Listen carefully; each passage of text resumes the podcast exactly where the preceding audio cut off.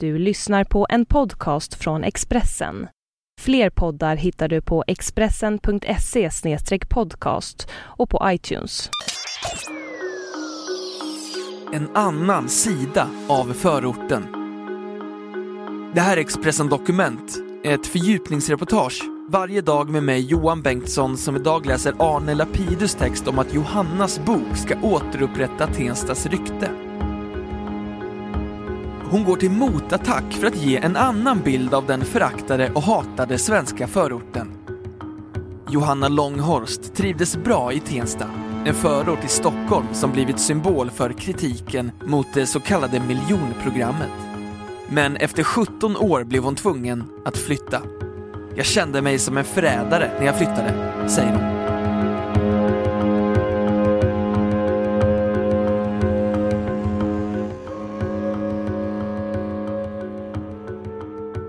Miljonprogrammet var en stor satsning i svensk bostadspolitik på 60 och 70-talen.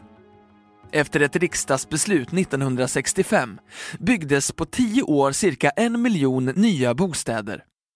Främst i förorter över hela landet. Målet var att bygga bort den akuta bostadsbristen och undvika att städerna förslummades som på många andra håll i världen. Flyttlassen gick i massor från landsbygden till städerna och den stora 40-talsgenerationen började bli vuxen och flytta hemifrån. Alla dessa människor behövde någonstans att bo. Skärholmen och Tensta i Stockholm, Angered i Göteborg och Rosengård i Malmö skulle liksom massor av nybyggda områden runt om i landet ge dessa människor ett modernt, bra boende med luft och ljus och framtidstro. Men kritiker från höger och vänster gav inte de nya förorterna en chans. De dömde redan från början ut dem som ödsliga vindpinande tillhåll, en människoföraktande miljö där det inte gick att bo. Den negativa bilden rotade sig fast och finns i stor utsträckning kvar än idag. Nu vill Johanna Langhorst ge en motbild. Hon har skrivit en reportagebok om Stockholmsförorten Tensta som var hennes hem i 17 år. Hon beskriver boken Förortshat som en blandning av dokumentär, debatt och självbiografi. Min hembygd beskrivs med förakt och aggressivitet. Mediebilden är bara kriminalitet och sociala problem. Människor som jag intervjuat kallar Tensta fult och deprimerande, säger hon och fortsätter. Jag känner inte igen mig i den bilden. Den stämmer inte med statistiken och den stämmer inte med verkligheten. Jag tycker att Tensta är ett trevligt bostadsområde, säger hon.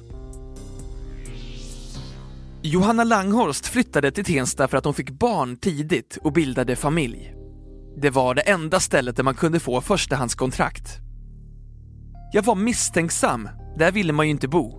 Men jag chockades av att det var så fint, inbjudande och trevligt. Mysig parkmiljö, inga bilvägar så barn kunde springa fritt, säger Johanna Langhorst. Hon trivdes i Tensta, men skämdes länge för att området hade så dålig klang. Därför brukade hon ljuga och säga att hon bodde i den mindre kända grannförorten Hjulsta och på så sätt slapp den direkta stämpeln eftersom folk inte hade hört talas om Hjulsta. När jag blev äldre fick jag självförtroende. Då var det roligt att säga Tensta och se hur folk reagerade.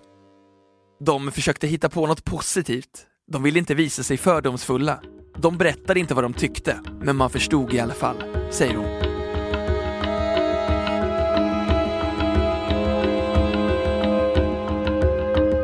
Expressen Dokument, en podcast från Expressen.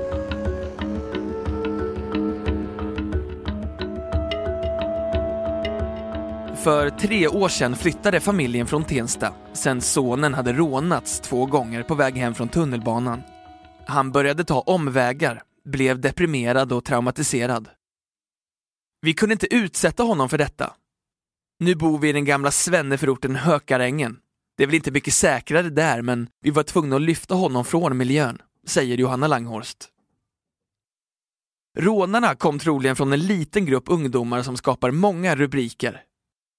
Upplopp, kravaller och slagsmål. Ingen har kontroll över dem, men de är bara 30 individer bland 18 000 i Tensta. När jag flyttade så kändes det som att jag gav alla dem rätt som sa “där kan man ju inte bo”.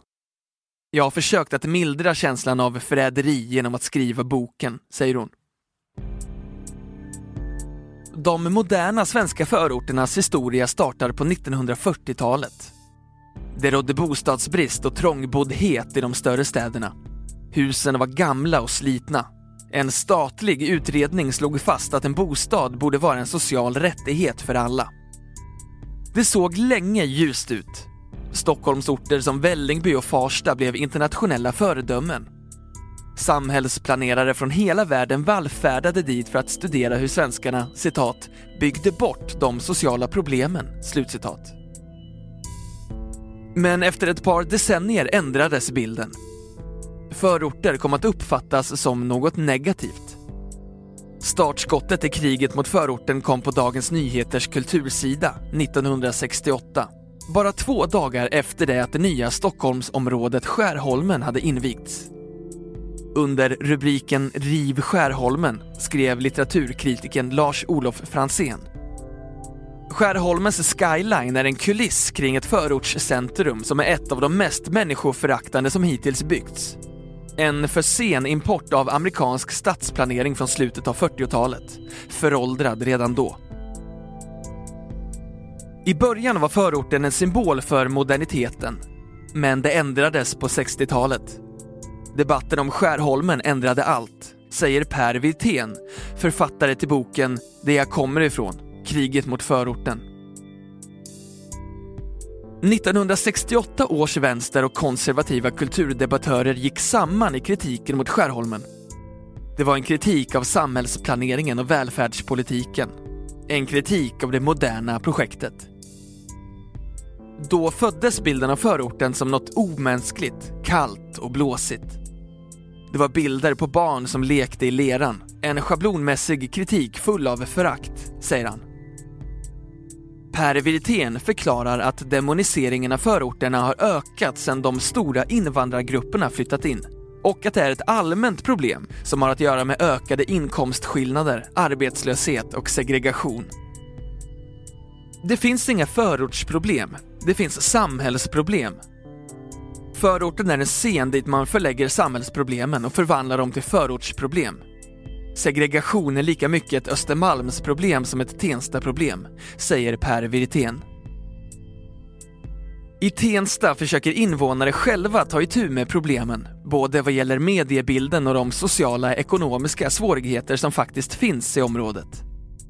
Ungdomsföreningen Tenstas framtid verkar med mottot trygghet och förändring sedan mer än tre år för att göra Tensta bättre.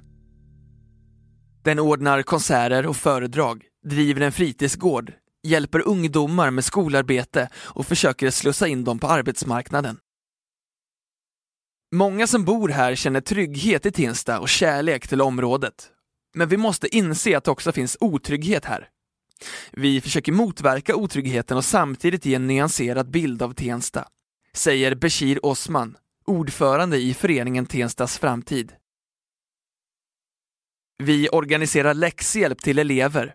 Vi gör trygghetsvandringar, patrullerar och griper in när det är strul. Det förekommer bränder och kaos. Vi bidrar till att det lugnar ner sig. Det finns frustration här som leder till hat och upplopp.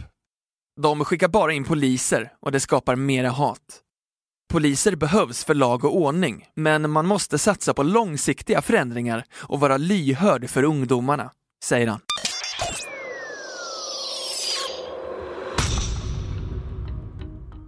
Du har hört Expressen Dokument, ett fördjupningsreportage om en annan sida av förorten av Arne Lapidus som jag, Johan Bengtsson, har läst upp.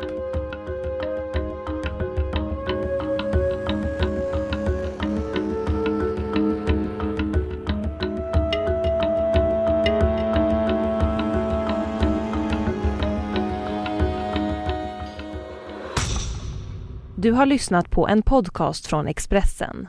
Ansvarig utgivare är Thomas Mattsson. Fler poddar finns på Expressen.se och på iTunes. Ett poddtips från Podplay. I fallen jag aldrig glömmer djupdyker Hasse Aro i arbetet bakom några av Sveriges mest uppseendeväckande brottsutredningar. Går vi in med hemlig telefonavlyssning och, och då upplever vi att vi får en total förändring av hans beteende. Vad är det som händer nu? Vem är det som läcker? Och så säger han att jag är kriminell, jag har varit kriminell i hela mitt liv men att mörda ett barn, där går min gräns.